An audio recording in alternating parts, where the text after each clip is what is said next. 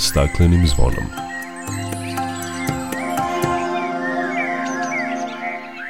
Dobar dan, dobrodošli na Zeleni talas prvog programa radija Radio Televizije Vojvodine. Ja sam Dragana Ratković. U poslednjih desetak dana obeleženo je nekoliko važnih datuma u ekološkom kalendaru koji su međusobno povezani. Međunarodni dan biodiverziteta, dan pčela i Evropski dan parkova.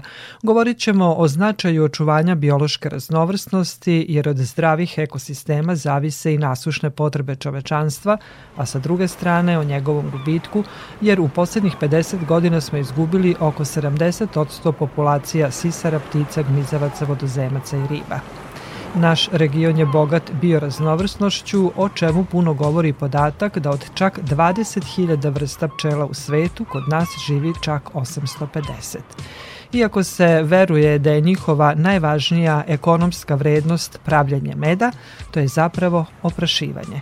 Ovoga puta govorit ćemo o urbanim pčelama i njihovom značaju za biodiverzitet, kao i o tome zašto su nam važni parkovi te oaze prirode koji su značajni ne samo za ljude nego i za očuvanje biodiverziteta. O ovim i nekim drugim temama opširnije nakon pozdravne pesme. Dok priroda kraj nas plače Za vladarskim svojim tronom Tužno vele narikače Pod staklenim smo zvonom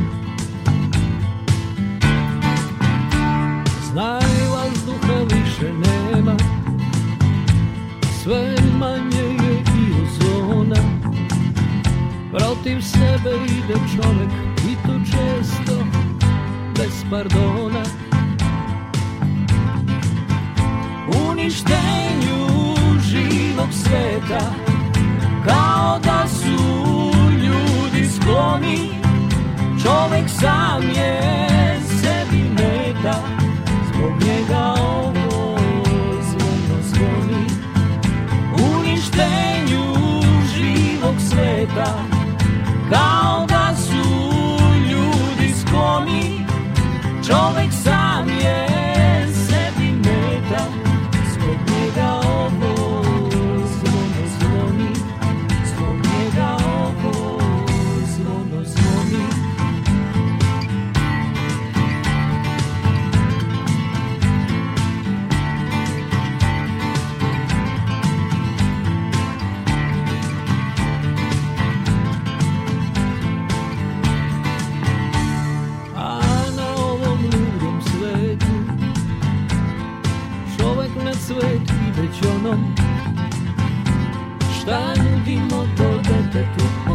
Stakleni kad smo zvonom.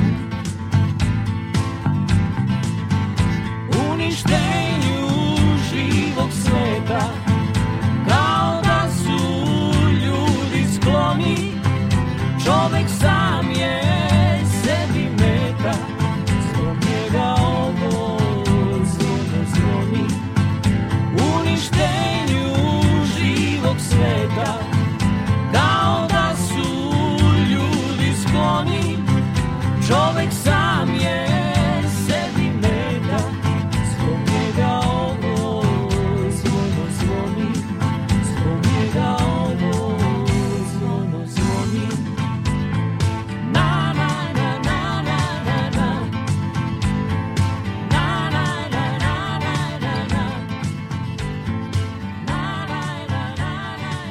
Međunarodni dan biološke raznovrsnosti Ujedinjene nacije obeležavaju od 2002. godine svakog 22. maja s ciljem da se ukaže na značaj očuvanja biodiverziteta jer od zdravih ekosistema zavise i nasušne potrebe čovečanstva, između ostalog snabdevanje vodom, hranom, lekovima, gorivom i odećom.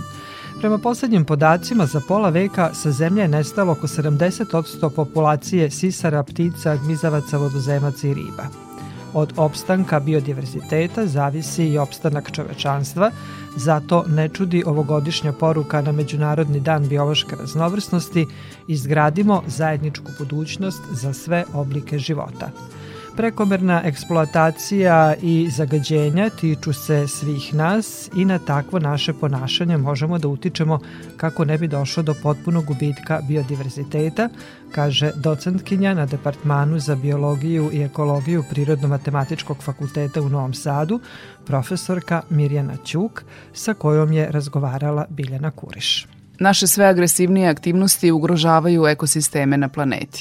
Ugroženo je čak oko tri četvrtine kopnenih ekosistema. Da li je čovečanstvo u problemu? Čovečanstvo svakako, svakako jeste u problemu jer mi uvek zaboravimo da smo mi integralni deo prirode i da bilo kakav oblik ugrožavanja biodiverziteta, biološke raznovrsnosti, čiji smo mi samo jedan integralni deo, direktno ugrožava nas degradacijom biodiverziteta, dakle e, raznolikosti ekosistema, raznovrsnosti vrsta, mi utičemo na naše resurse i, i zapravo na kraju krajeva će nas pogoditi direktno. Šta nam obezbeđuju zdravi ekosistemi, a šta gubimo degradacijom prirodne raznolikosti, odnosno biodiverziteta? Čist vazduh, čista voda, čisto zemljište. Dakle, priroda sama po sebi reguliše kruženje ovih materija, odnosno omogućuje nam eksploataciju ovih ključnih resursa bez kojih mi ne bi bili živi, ne bi bili ovde na, na ovoj planeti. Tako da bilo kakva degradacija biodiverziteta, na primer, e, ugrožavanje biljnog sveta, odnosno ugrožavanje vegetacije, jasno je da direktno utiče na uh, smanjenje kvaliteta vazduha, odnosno količine kiselnika u vazduhu. Samim tim dolazi do, do klizišta, dakle recimo vegetacija svakako vezuje i zemljište, uh, samim tim uh, prilikom uh, kiša ili ovaj, poplava svakako svedoci smo bili, jel da? Ovaj, samim tim dolazi do degradacije terena, dolazi do, do naravno i, promenjenog sastava zemljišta. Naravno, ako pričamo o ovaj, degradaciji biodiverziteta flore, pošto se ja konkretno time najviše i bavim, ovaj, e, mnoge tih vrsta su nama direktno važne za ishranu, za e, kao sirovina, kao materijali, dakle samim tim mi ćemo imati problem i u e, ekonomici tih proizvoda, odnosno njihovo, njihovo izradi, prodaji, naravno da će to da se odrazi na ekonomiju ovaj, posredno ovaj, ili neposredno. Tako da u suštini na, na više različitih nivoa mi ćemo osetiti tu, tu problematiku. Na kraju krajeva, evo imamo situaciju, već smo ovaj, svedoci klimatskih promena, zagađivanjem mi u potpunosti utičemo na kvalitet vazduha, klimatske promene su više nego očigledne, a šta je rezultat? Imamo izuzetno ovaj, e, topla, topla leta, koja su i toplije nego što bi inače bila u ovom periodu. Istorije, tako da u suštini e, to se odražava i na gubitak, na smanjenje ovaj, dostupne vode, dakle na problematiku ovaj, smanjenih prinosa useva, tako da u suštini mi već osjećamo neke, neke, neke probleme koji su izazvani našim aktivnostima i naravno degradacijom biodiverziteta. Prema Ujedinjenim nacijama više od 80% ljudske ishrane obezbeđuju biljke. Riba obezbeđuje 20% životinskih proteina za oko 3 milijarde ljudi, a Međunarodna unija za zaštitu prirode predstavila je prošle godine crvenu listu na kojoj je pobrojano oko 140.000 ugroženih vrsta. Da li smo mi svesni naše ugroženosti? To zavisi svakako od stanja uh, društva o kom pričamo. Dakle, ja moram da kažem da u, našoj, uh, u našem okruženju Nije to samo Srbija, dakle na Balkanu generalno uvek se izgovaramo e, nekim teškim e, društvenim okolnostima ili socijalnim okolnostima, pa stavljamo u zapečak potrebe, odnosno probleme životne sredine ili probleme zaštite prirode, što naravno da nije opravdano, jer neprimetno ili primetno nam se menja standard i menjaju nam se, da kažem, okolnosti, socijalne i društvene, a mi dalje E, guramo tu problematiku kao da nije naša. Međutim, evo, ono što je dobro u, svemu ovome što ovaj, često i nije loše i, i nije zapravo ovaj, najbolje, jeste da možda u poslednjih godinu dana se u Srbiji konkretno više priča o o zaštiti e, prirode i zaštiti životne sredine i očuvanju svih ovih resursa do kojih mi e, dolazimo, a zapravo jesu ovaj osnovni ovaj da kažem integralni deo prirode. Dakle, e, kada pričamo o ovaj iskopavanju novih ruda, eksploatisanju novih ruda ili prosto ovaj eksploataciji vodnih resursa u Srbiji, ljudi su se na neki način probudili pa o tome razmišljaju sad iz ovih ili onih pobuda, ali činjenica je da mi o tome mnogo više pričamo školama nego što je to ranije bio slučaj. Što se tiče obrazovanja, u školama i, i u predškolskim ustanovama i na fakultetima obrazovanje naravno da podrazumeva jako puno informacije na ovu temu, ali ono što, što izostaje jeste javna svest, odnosno kolektivna svest koja je i dalje na niskom nivou. Šta je tome razlog? Opet kažem, ljudi se uvek izgovaraju tim nekim, da kažem, socijalnim ili, socijalnim ili, ili društvenim problemima, ali svakako to je samo loš izgovor. Dakle, nije, nije svakako ovaj, adekvatno opravdanje. Tako da se ja nadam da će u budućnosti ovaj, da bude situacija drugačija. Kako to ovaj, možemo da poredimo sa nekim drugim zemljama u Evropi? Pa jasno je da ovaj, ako pogledate ne znam, zapadnu Evropu ili centralnu Evropu, ljudi ima ipak drugačiju sve. Samo Slovenija koja je ne tako daleka i opet delimo zajedničku istoriju, ove, je izuzetno ekološki osvešćena i proglašena za najčistiju e, državu u Evropi, jer zaista ona to i jeste. Svest građana Slovenije je dosta drugačije. Obrazovanje nije toliko drugačije nego obrazovanje konkretno u Srbiji, ali svest građana je drugačija. Tako da se ja nadam da će se to promeniti kod nas. Šta nam je činiti? Kako da pomognemo sebi? Moramo našim opet istraživanjima, ali i saradnjom sa državom, sa, sa institucijama, doći do zakonskih akata koji će nas obavezivati da ono što je e, pod pretnjom izumiranja e, i zaštitimo i naravno obezbedimo opstanak. I e, na kraju, ovaj, mislim, svakako je to možda i najvažnije, jesu konkretne akcije koje podrazumevaju e, zaštitu prirode na samom mestu, e, njenog ugrožavanja u prirodi ili ovaj, na neki sličan način. Dakle, konkretne akcije podrazumevaju zaštitu određenih delova prirode u vidu različitih rezervata, nacionalnih parkova, parkova prirode i tako dalje, gde se zapravo štite i diverzitet i, i, i ovaj sami ekosistemi njihovi procesi ili konkretna zaštita ovaj, vrsta takođe to podrazumeva, ali ove aktivnosti podrazumevaju i restauraciju, odnosno vraćanje u neko prethodno stanje, pređašnje stanje pod uz želju da će se, da kažem, stanje biodiverziteta ili konkretno određenih populacija vrsta ili, ili staništa popraviti u budućnosti. Ali opet moram da kažem, svaki čovek mora imati svest o tome šta je važno, šta, šta je ovaj, pred, pod pretnjom izumiranja, da u okruženju i da se sa pažnjom prema tom i obhodi. Mirjana, hvala vam na razgovor. Hvala i vama. Naša sagovornica bila je docentkinja na Departmanu za biologiju i ekologiju Prirodno-matematičkog fakulteta u Novom Sadu, profesorka Mirjana Ćuk.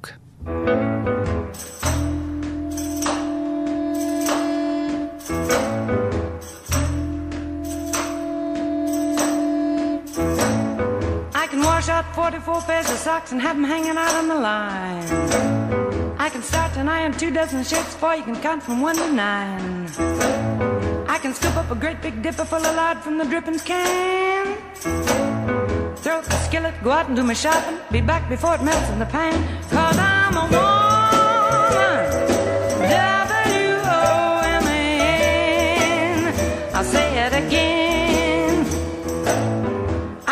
and scrub till this old house is shining like a dime. Feed the baby, grease the car, and powder my face at the same time. Get all dressed up, go out and swing till 4 a.m. and then lay down at 5, jump up at 6, and start all over again.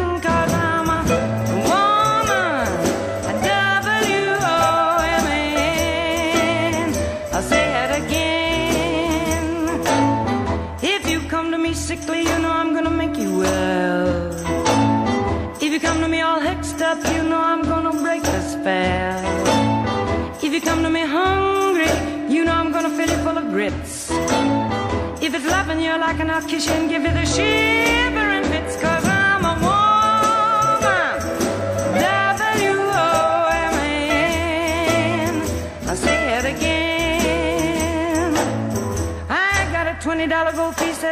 nothing I can do. I can make a dress out of a feed bag and I can make a man out of you, cause I'm a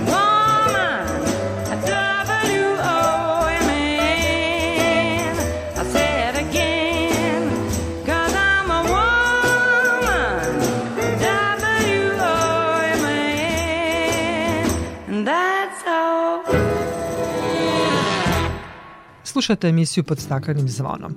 Pčele i drugi oprašivači poput leptira, slepih mišava i kolibrija zbog ljudskih aktivnosti su sve ugroženiji što se odražava i na samu prirodu. Kako bi podigle svejst o značaju oprašivača, rizicima s kojima se suočavaju i njihovom doprinosu održivom razvoju, Ujedinjene nacije su ustanovile Svetski dan pčela koji se obeležava svakog 20. maja. Zašto baš 20. maja? Datum je izabran kao dan rođenja Antona Janše, koji se smatra začetnikom modernog pčelarstva. On je u 18. veku radio kao dvorski pčelar Marije Terezije i važio je za prvog instruktora tada novog zanimanja. Veličao je pčele kao bića sposobna da rade mnogo, iako zahtevaju vrlo malo pažnje. Kako navodi Savez pčelarskih organizacija Srbije, pčele su zaslužne za opstanak preko 75% glavnih gajenih biljaka koje su najznačajnije u ljudskoj ishrani. Glavni uzrok smanjenja broja pčela predstavlja čovek i njegovo delovanje. Usled urbanizacije i sve manje zelenih površina, pčele gube svoje stanište. Osim gradova, pčelama opasnost predstavlja i poljoprivreda, ali i klimatske promene koje imaju negativan uticaj na gotovo ceo biodiverzitet pa i na pčele. Oprašivanjem pčele zauzimaju vodeću ulogu u očuvanju biodiverziteta i usporavanju klimatskih promena. Kada govorimo o urbanom biodiverzitetu i tu značajnu ulogu zauzimaju pčele. O tome ćemo govoriti i u narednim minutima, tim povodom razgovarala sam sa Jovanom Bila Dubajić, biologom zaštite životne sredine iz Centra za biologiju pčela Biološkog fakulteta Univerziteta u Beogradu. Jovana, dobrodošli na Zeleni talas Radio Novog Sada. Dobar dan, hvala na pozivu. Ja bih vas na početku zamolila, mada o tome e, često govorimo, da nam kažete koliko su pčele zaista važne za prirodu i ljude. Da, ja kad kažem da su pčele važne, moramo prvo da razgraničimo šta je to uopšte. Kad kažemo pčele, na šta mislimo? Zato što većina ljudi pomisli na medonosnu pčelu. Međutim, ta reč pčela je u stvari mnogo više od te jedne vrste koja je realno nama ljudima najpoznatija. Sa njom smo najduže u kontaktu, ali moram uvek da naglasim da na svetu postoji jako puno pčela i sve su one važne. Možemo da pričamo o tome zašto su važne. Ono što je nama ljudima možda onako najočiglednije, te sve pčele učestvuju u oprašivanju biljaka. Dakle, polno razmnožavanje biljaka cvetnica ne bi bilo moguće da nema insekata oprašivača. Tako da još jedna od, da kažem, zabluda i mitova koje ja pokušavam stalno da komuniciram sa ljudima je da je najveća ekonomska vrednost pčela u stvaranju meda. To je daleko od istine. Najveća ekonomska vrednost pčela i drugih oprašivača je upravo u tome što one oprašuju sve biljke koje nas na, na kopnenim ekosistemima okružuju. To je, ajde da ne kažem sve biljke, ali e, većinu biljaka, jer biljke cvetnice su e, dominantna grupa biljaka na našoj planeti. Pomenuli ste da na svetu postoje različite vrste pčela i mi zaista kada kažemo pčela mislimo na one medonosne da. koje nam donose med. Koliko I ima vrsta pčela, da kažemo? Na, na svetu, na celom svetu opisano je preko 20.000 vrsta pčela. Od toga samo sedam vrsta, znači sad pričam na svetu, samo sedam postoji medonosnih. A ako pričamo o Evropi, na evropskom kontinentu postoji oko 2000 različitih vrsta i onda možemo da sad kažemo i za našu zemlju, to je ono što možda najviše ljude zanima, U Srbiji ima oko 850 različitih vrsta pčela, od toga je medonosna pčela samo jedna vrsta. Ključ uspešnog oprašivanja, znači da bi imali kompletno oprašivanje moramo da imamo različite vrste pčela. Kao što imate različite biljke, imate i različite pčele koje oprašuju te biljke. Tako da je, da kažem, jako važno da kada govorimo o zaštiti pčela ne pričamo samo o toj jednoj vrsti, nego da upravo zaštitimo sve vrste. Mi ovde pričamo o urbanom biodiverzitetu i urbanim pčelama, a koji je njihov značaj za, za biodiverzitet? Znamo da se danas gradovi sve više šire, to ne možemo da ni zaustavimo ni da sprečimo, Ono što možemo da uradimo je da shvatimo da se i gradovi moraju uključiti, da kažem, tu svetsku krizu pada e, biodiverziteta i možemo da se potrudimo da naši gradovi, kako se razvijaju, da se ipak razvijaju u skladu sa prirodom. Tako da pogoduje i nama ljudima, a i e, sveukupnom živom svetu koji nas okružuje. Tako da koji je značaj? Postoje mnoge studije, to je ono što većina ljudi ne zna, da su poljoprivredni predeli sada postali u stvari jako loše mesto za život pčela, što je potpuno absurdno jer su nam pčele potrebne da opraše svu tu hranu koju jedemo. Danas kako se poljoprivreda odvija uz prekomernu upotrebu pesticida, uz razvoj monokultura na ogromnim prostranstvima, to je sve jako štetno za pčele, tako da su uvideli da gradovi koji, koji imaju jako puno različitih vrsta pčela, poljoprivredni predeli u okolini takvih gradova imaju koristi od te zajednice pčela, jer te pčele ipak odlaze onda i u poljoprivredne predele da oprašuju. Obično pčele vezujemo za prirodu, za biljke, yes. za šume i tako dalje i da. sad ispada da u stvari utočište da. pčele traže u urbanim sredinama. Baš tako. To je ono što je najviše zbunjujuće kada ja kažem da, pošto e, gradovi su uglavnom, znači nastaju na račun prirodnih staništa. Prirodna staništa se uništavaju, imamo urbanizaciju, znamo kako to ide i za većinu stvarno živih organizama urbana sredina nije povoljna, međutim, za pčele, ukoliko samo malo povedemo računa o nekoliko stvari, možemo pričati koje su to stvari, gradovi mogu biti bukvalno oaze i refugijumi, baš tako kako ste rekli.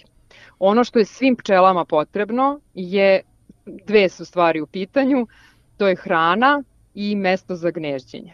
Ako im to obezbedimo, one će moći da se suoče i sa klimatskim promenama i sa zagađenjem i sa svim drugim pritiscima koje smo na njih stavili mi ljudi, tako da postoje jednostavna rešenja, prirodom inspirisana rešenja, povezivanje prirode u gradovima, e, na koje sve načine, kako bi, na koji način da održavamo te zelene površine u gradovima, da podstaknemo biodiverzitet. Ne samo pčele, nego i sve druge ovaj, organizme koje, koji tu žive. 850 vrsta pčela mm -hmm. živi kod nas, od toga jedna medonosna. Koliko njih živi u gradovima? E, ja nemam podatak recimo za Novi Sad ili e, moje područje istraživanja je Beograd. Beograd i okolina koja pripada Beogradu ima oko 250 različitih vrsta pčela to je jako, jako veliki broj u stvari vrsta kojih uopšte nismo svesni.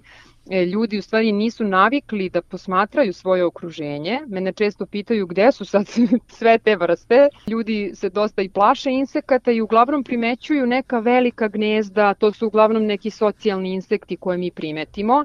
Recimo, ne postoji osoba koja neće primetiti gnezdo stršljana toga se plašimo, to su velika gnezda sa puno odraslih jedinki koje ovaj, tu nešto rade oko gnezda, a nismo navikli da posmatramo cveće, da posmatramo zemljište, a da smo, da kažem, malo više ovaj, da nam je oko izdrštreno, videli bi da su pčele, u stvari ove nemedonosne pčele svuda oko nas, One se gnezde, e, kopaju tunele ispod zemlje, gnezde se recimo u mrtvom drvetu, kada imate neko mrtvo drvo, to je blago biodiverziteta.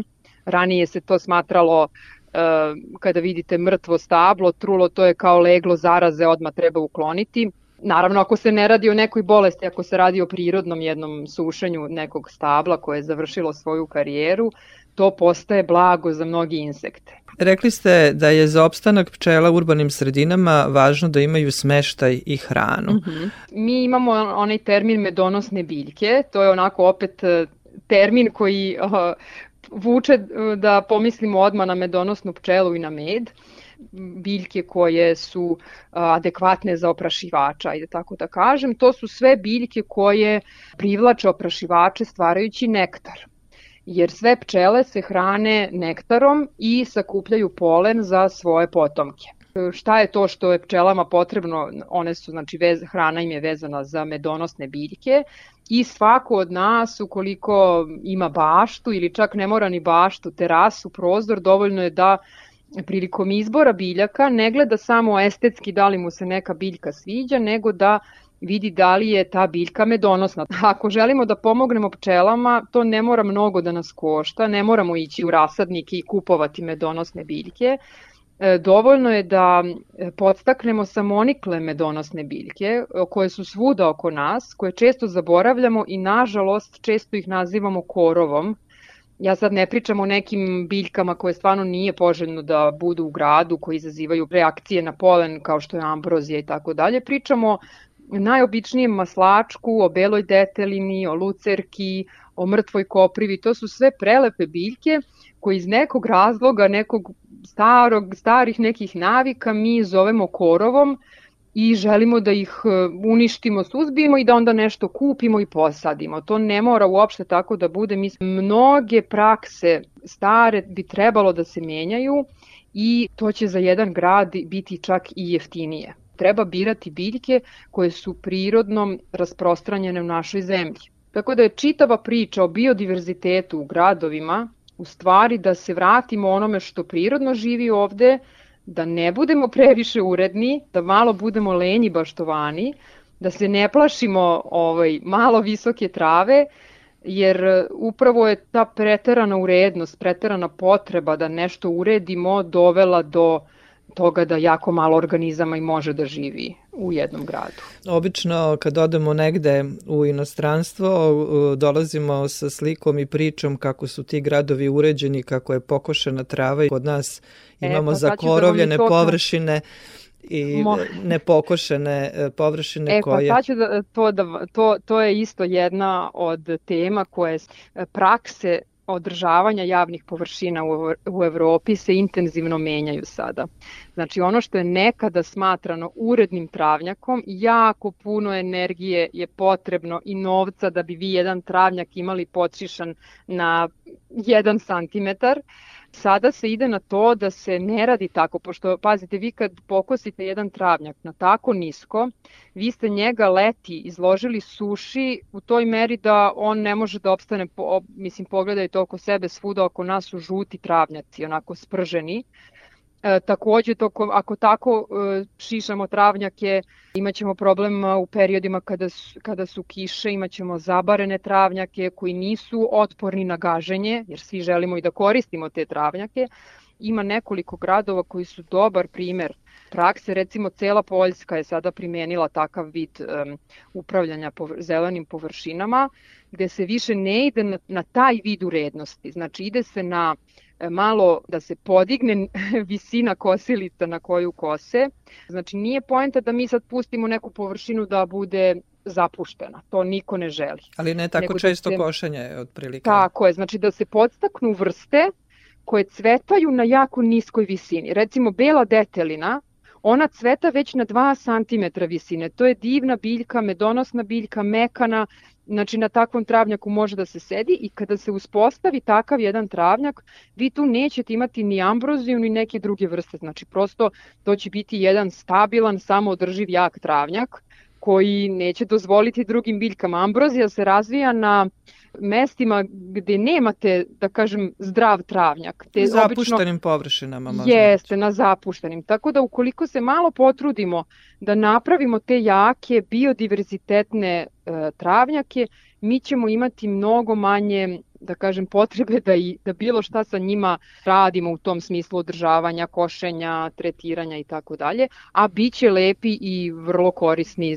moći će da se koriste, znači i, i ljudi, i kućni ljubimci i sve što nam je potrebno u jednom gradu. Gradovi moraju da budu lagodni za život i ljudima, ne samo kad pričamo o biodiverzitetu, moramo da uzmemo u obzir i ljude, ali hoću da kažem da je vrlo moguće i izvodljivo da imamo i jedno i drugo. Dakle, samo malo više prirodnosti, ni u samoj prirodi, ako izađemo u prirodu, nemamo tako uredno podšišanu travu, nego samo malo prirodnosti da pustimo u naše yes. urbane sredine, to će biti dovoljno da sačuvamo pčele i druge vrste životinja koje žive u gradovima. Ovo je bila zaista zanimljiva priča i mnogo toga smo naučili, a ono što je na kraju važno da upamtimo da zaista od pčela zavisi opstanak zdravih ekosistema i na početku smo yes. rekli opstanak ljudi i životinja, opstanak sveta koji poznajemo. Ja vam se zahvaljujem na razgovor i učešću u našoj emisiji jer zaista smo čuli neke zanimljive podatke o pčelama koje nismo znali jer mi kada pričamo o pčelama mislimo na medonosne pčele.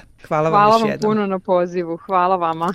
Moja sagovornica bila je Jovana Bila Dubajić iz Centra za biologiju pčela Biološkog fakulteta Univerziteta u Beogradu.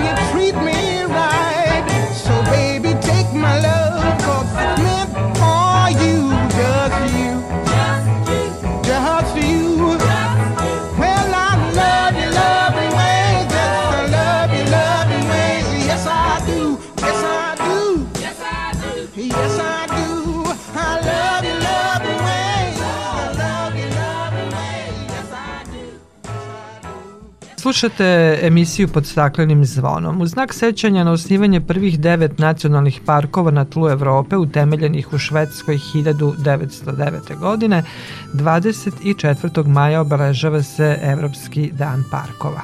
Ovaj dan ima za cilj da približi ljude prirodi i podigne svest javnosti o značaju prirodnih lepota i u zaštićenim područjima širom Evrope, čime se ukazuje na važnost očuvanja i održivog razvoja tih mesta. Evropski dan parkova ove godine obeležen je pod sloganom Mi smo priroda, uz poziv na razmišljanje, obnovu i ponovno povezivanje s prirodom. O parkovima, njihovom značaju i funkciji razgovaram sa Majdom Adlešić, inženjerkom hortikulture. Majda, dobrodošli na Talasa Radija Novog Sada. Dobar dan, hvala vama. Evropski dan parkova obeležava se od 1999. godine i uveden je kako bi e, se građani upoznali sa važnošću prirode, posebno zelenih površina u gradovima. Parkovi, iako čine zelene oaze u urbanim e, sredinama, predstavljaju zapravo e, deo prirode i ekološku oazu za brojne biljne i životinske vrste i upravo je njihova funkcija tokom razvoja i menjana. Kroz istoriju imali su značajnu ulogu e, za čoveka, pre svega kroz svoju estetsku funkciju, a razvojem te funkcije su se povećavale i danas e, savremeni park je više namenski. Pa da, ja sam moram malo da e, neke stvari objasnim. Znači prvo, ovo je dan parkova Evrope i odnosi se na nacionalne parkove, ali je lepo što su gradovi u Evropi masovno počeli da taj dan obeležavaju u svojim gradskim parkovima. Jer mnogi parkovi u gradovima su i zaštićeni. I zaštićeni, da što je slučaj sa mnogim našim parkovima. A druga stvar, ta razlika između vrta i parka je veoma bitno da se objasni jer parkovi koje mi sada imamo u velikom broju slučajeva su nekada bili vrtovi. Ne radi se konkretno o gradskim parkovima, ali i o mnogim parkovima kakve mi, na primjer, ovde u Vojvodini imamo. I oni su prosto vremenom postali javne zelene površine, odnosno javni zeleni prostori. Prvi javni park zapravo je napravljen u Liverpoolu 1874. godine i nastoje ne iz namere da se jedna površina ozeleni, već da se park napravi kao mesto susreta nespojivih socijalnih slojeva tog vremena. Tako da je to još jedna funkcija parka, ne samo naše zelene oaze, već i naša mesta susreta i lepo je što se mi njima vraćamo i što ih obeležavamo i slavimo na na ovakav način i ovim danom. Ovaj dan, e, osim što se obeležava e, u zaštićenim područjima, obeležava se u mnogim gradovima kako bi se stanovnici upoznali sa važnošću prirode. E, urbanim sredinama nedostaje tih zelenih površina, nedostaje prirode. Naši parkovi nisu površinski u onim okvirima koji su i nekako i propisani, oni su svi mali, ali ipak su za nas značajni. Pa jesu, da, moramo tu stvari posmatrati u širem kontekstu. Znači mi smo prosto možda nespremni ušli u čitavu ovu dinamiku razvoja gradova. Gradovi su mnogo većom brzinom postajali prenaseljeni nego što su se razvijali na tom nekom nivou urbanističkom, time je i došlo do pomanjkanja zelenih površina. I ono što sad je bitno naglasiti je da uprava tih gradova da nadomeste te zelene površine idu stalno kroz borbu sa tim da kažem, urbanističkim zahtevima. Novi Sad ima lepe parkove, ali oni naravno mogu biti još mnogo lepši i bolji. Jako je dobro što se probudila svest ljudi, korisnika tih površina i prostora i jako je bitno da gradske uprave shvate da moraju komunicirati sa korisnicima, sa građanima po tom pitanju, znači formirati parkove tamo gde je njima zaista potrebno, na način na koji je potreban, jer park je jedna vrlo široka kategorija, on može imati jako puno podkategorija i u odnosu na potrebe stanovništva na nekom lokalitetu on se može tako formirati. Mi smo pre, ja mislim, dve i po godine imale priliku da razgovaramo na, jednoj, na jednom panelu o zelenim površinama i prostorima u Novom Sadu. Ja sam tada onako dosta, mogu reći, i naivno i ambiciozno rekla da možemo očekivati da Novi Sad bude jednog dana zelena prestonica Evrope. Ne bih da povučem sada tu reč, ali sa mnogo više skepse bih to sada rekla i mnogo manje ovaj, očekivanja jer je nekako pogotovo ove dve i po godine nažalost došlo do i promena na postojećim parkovima i do mnogo slabijeg intenziteta i brzine kojom se oni novi formiraju kada nam se predočavaju načini razvoja zelenih prostora. Uglavnom nam se nude brojevi posađenih stabala, a mnogo manje kvadratni metri površina koje su ozelenjene i tu... Koji je broj kvadratnih metara po glavi stanovnika? Po nekim normativima ima ih više, znači otprilike svaka država ima svoje neke normative, mislim da je kod nas usvojen 25 metara kvadratnih po stanovniku A zelene recimo površine. u Ljubljani koja je evropska zelena predstavnica? Da, oni su uspeli da time što su radili 2016. godine dostignu čitavih 500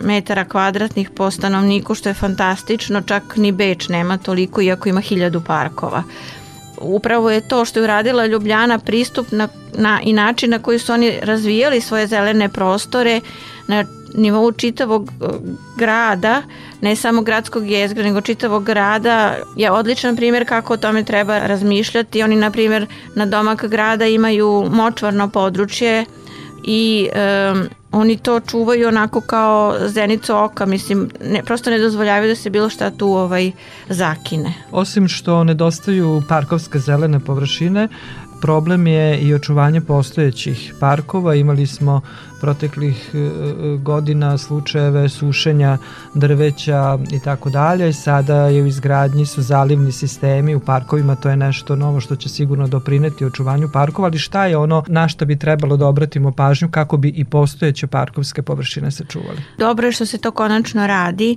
jer je to bio zaista veliki hendikep naših zelenih prostora. Imali smo ta masovna sušenja stabala, ima toga nažalost i dalje jer posledice suše se ne mogu prekinuti je jednogodišnjim zalivanjem i radom zalivnih sistema, znači tu ćemo posledice možda tek osetiti. Činjenice da možda mi nismo bili spremni, nismo bili svesni ili šta god daje intenziteta klimatskih promena i svega ovog što se nama dešava, pa mi evo imamo 5-6 ili koliko već intenzivno sušnih godina unazad, a drveće što je starije, njemu u stvari mnogo više vode treba i to je problem što mi imamo odumiranje i nestajanje jako starih odraslih stabala.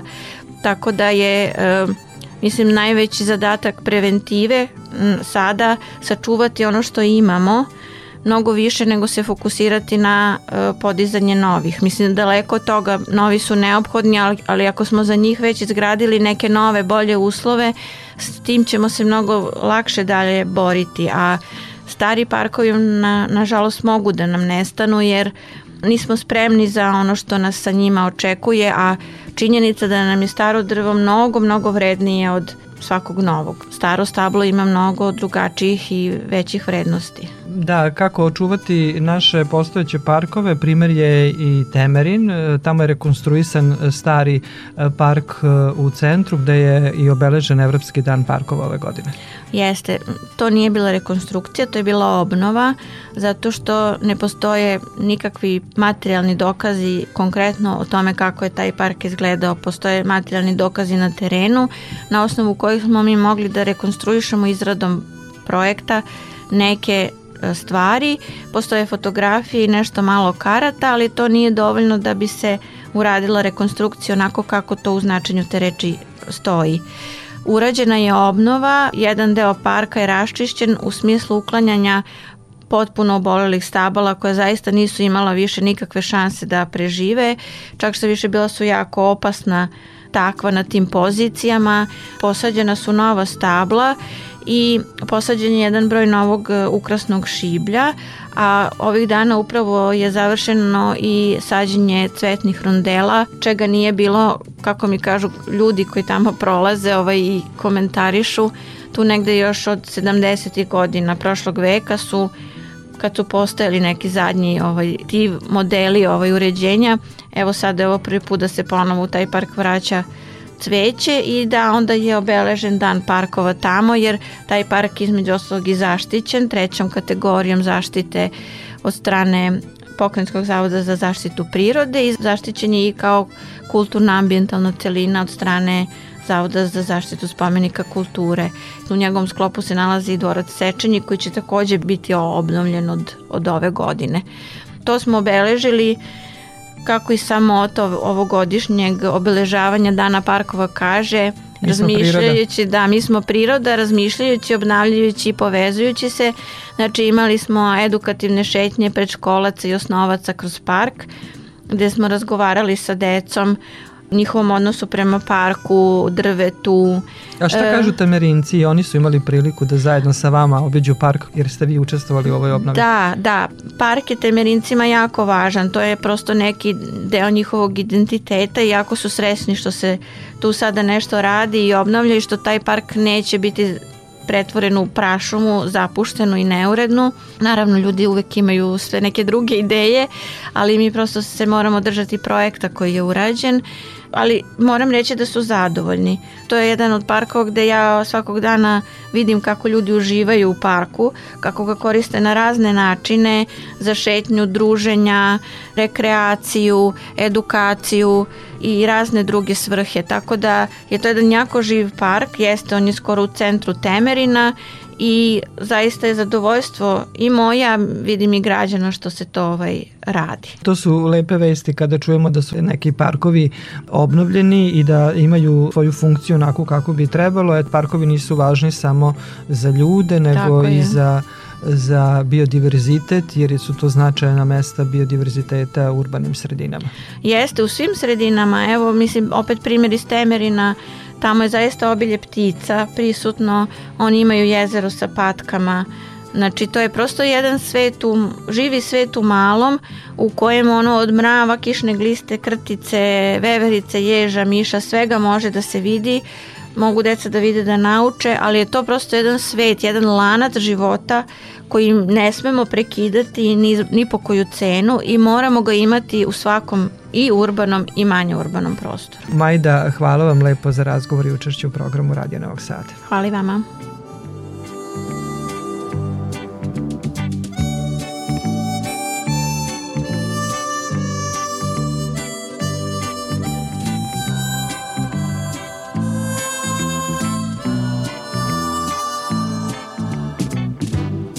U okviru obeležavanja Evropskog dana parkova, prirode i zaštićenih područja u prostoru novoizgrađenog parka i šetališta na Kikinskom starom jezeru organizovana je izložba likovnih radova predškolaca iz Kikinde i Žombolja. Izložba na temu zaštite životne sredine deo je programa prekograničnog projekta Rehabilitacija ekosistema i očuvanje prirodnih dobara u Žombolju i Kikindi Eco Lakes. O tome Tanja Popović. Uređenje Kikinskog starog jezera kao najveće urbane zelene oaze u gradu realizovano je u okviru IPA programa prekogranične saradnje Rumunije i Srbije.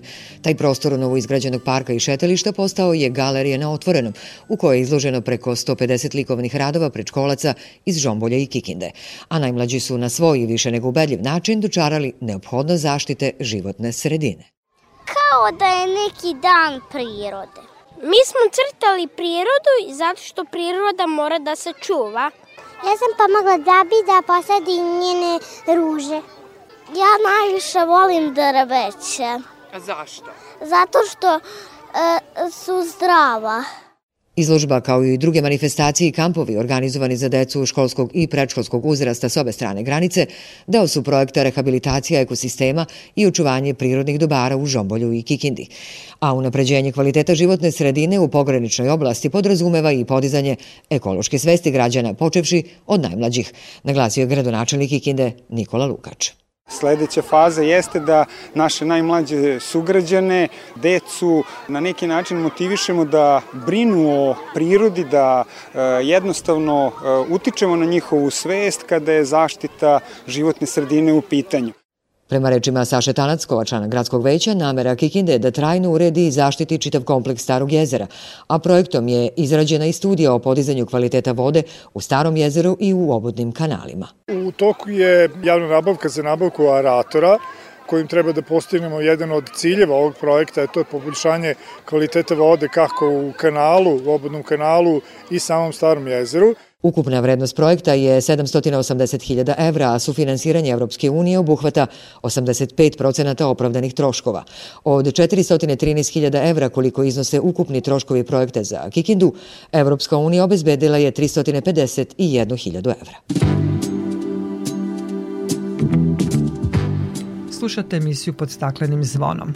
Ovih dana sve češće čujemo vesti o pojavi zmija u našem okruženju. Maj je period kada su zmije u reproduktivnoj fazi, te se često okupljaju na određenim suvim i hladnim mestima, a često biraju dvorište i garaže ljudi. Na području Sremske Mitrovice nema otrovnih zmija, sve su bezopasne i ne mogu da ugroze čoveka. Međutim, sama njihova pojava uznemirava kaže naša dopisnica Dejana Kovačević.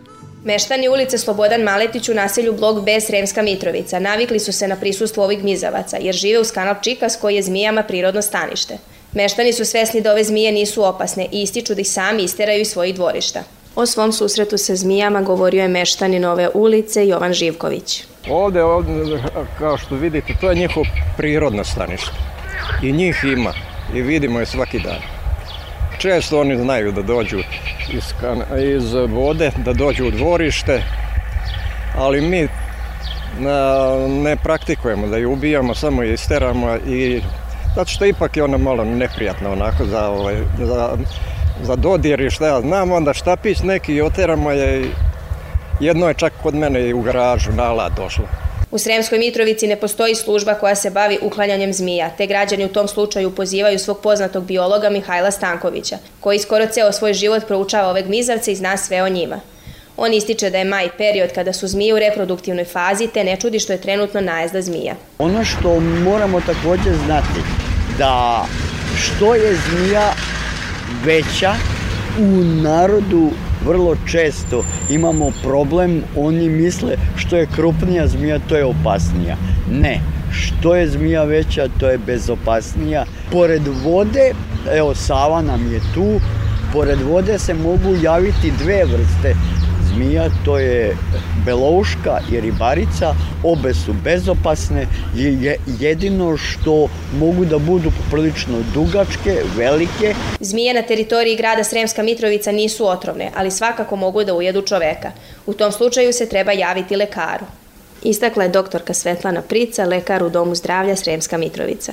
Ono što, pa, znači, što treba da uradi osoba koja ugriza zmija, da stavi po mogućstvu hladan oblog, ako ima mogućnosti, s obzirom da to najčešće događa u prirodi, da što manje pokreće ekstremitet i da se javi u prvu zdravstvenu ustanovu. Kao što ste rekli, sreće što većina zmija nije otrovna, ali kažemo, ovaj, ono što se može javiti od simptoma su slabost, malaksaost, muka, Prema pravilniku o proglašenju i zaštiti strogo je zabranjeno ubijanje, hvatanje i uznemiravanje svih vrsta zmija koje su ugrožena vrsta, a i veoma korisne za naš ekosistem, jer pojedu veliki broj glodara koji pričinjavaju veliku štetu. Kazna za nepoštovanje ovih pravila je 40.000 dinara. Bioraznovrsnost o kojoj smo pričali u emisiji podrazumeva sav život na zemlji, uključujući životinje, biljke, gljive, mikroorganizme pa i nas ljude. Svaka vrsta važna je nit u mreži koja održava prirodnu ravnotežu i pruža nam resurse neophodne za život, hranu, pitku vodu, čist vazduh i mesto za stanovanje. Zaštićena područja su temelj zaštite biološke raznovrsnosti i svaki dan ona nam obezbeđuju mesto za ponovno povezivanje s prirodom. Ona su na dobrobit čitavom društvu. Ipak svakoga dana brojne vrste zauvek nestaju. Svetska organizacija za zaštitu prirode i parkovi Dinarida, koju čini mreža više od 100 zaštićenih područja u Srbiji, Albaniji, Bosni i Hercegovini, Crnoj Gori, Hrvatskoj, Severnoj Makedoniji i Sloveniji, organizuju u Sarajevu od 31. maja do 2. juna međunarodnu konferenciju nazvanu regionalnom saradnjom do održivih zaštićenih područja. Trodnevna konferencija uz upravljače zaštićenih područja i predstavnike relevantnih institucija u našem regionu prvi put će okupiti predstavnike brojnih nevladinih organizacija koje se bave temama zaštite prirode. Glavni cilj zajedničke konferencije jeste da se istraži kako ojačati regionalnu saradnju, poboljšati koordinaciju za očuvanje bioraznovrsnosti na Zapadnom Balkanu i održivost zaštićenih područja. Deo konferencije će biti posvećen i temi žena u zaštiti prirode.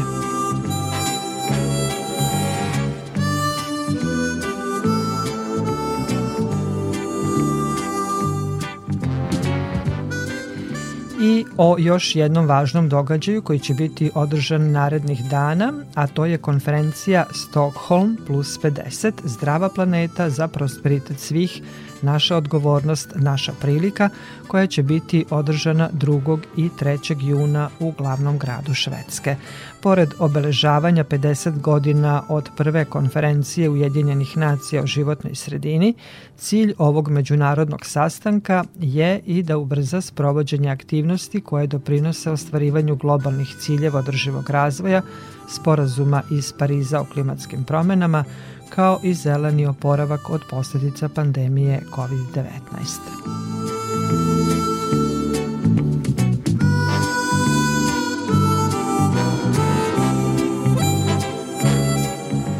Došli smo do kraja emisije pod staklenim zvonom koju možete slušati i odloženo na podcastu Radio Televizije Vojvodine na adresi rtv.rs. Na pažnji vam zahvaljuju Sabina Nedić, Zoran Gajinov i Dragana Ratković. Naredni susret zakazujemo za sedam dana u isto vreme na zelenom talasu prvog programa radija Radio Televizije Vojvodine. There's a bright golden haze in the meadow. Peep out.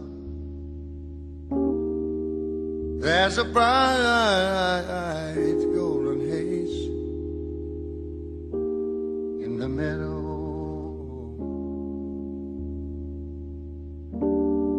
The cone is as high as an elephant's eye,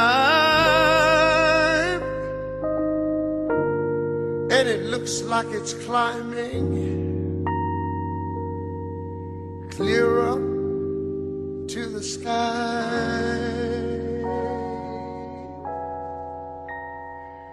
Well, I say, oh, what a beautiful morning. Wonderful day. Y'all look out there. I've got a beautiful feeling. Everything, everything going my way. Y'all come on now.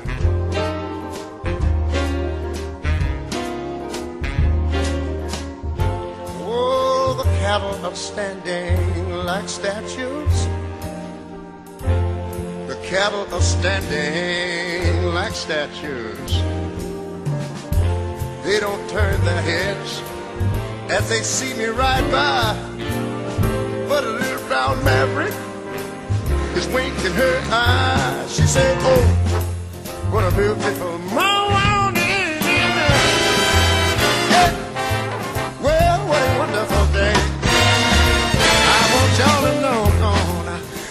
Got a beautiful feeling. I've got everything. And everything going my way. Everything going my way, my way. All right, y'all do it to me now.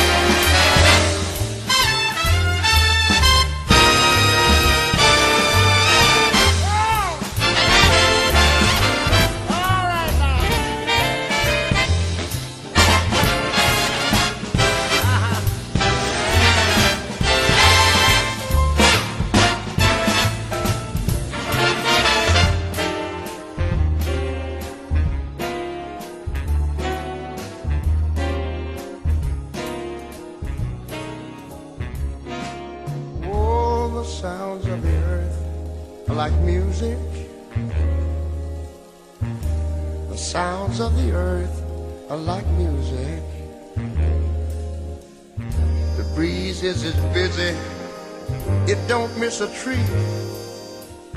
And a little old weeping willow is laughing at me. She said, Oh, what a beautiful morning.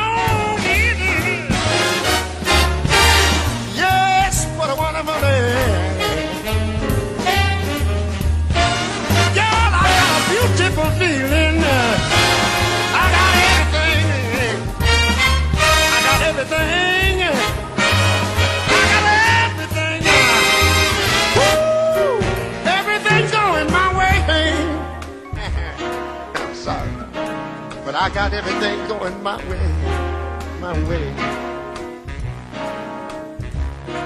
Oh, baby.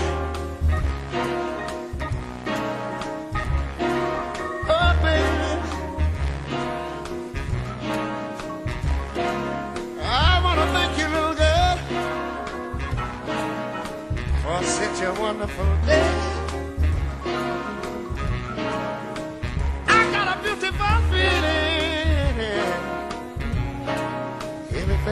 manga.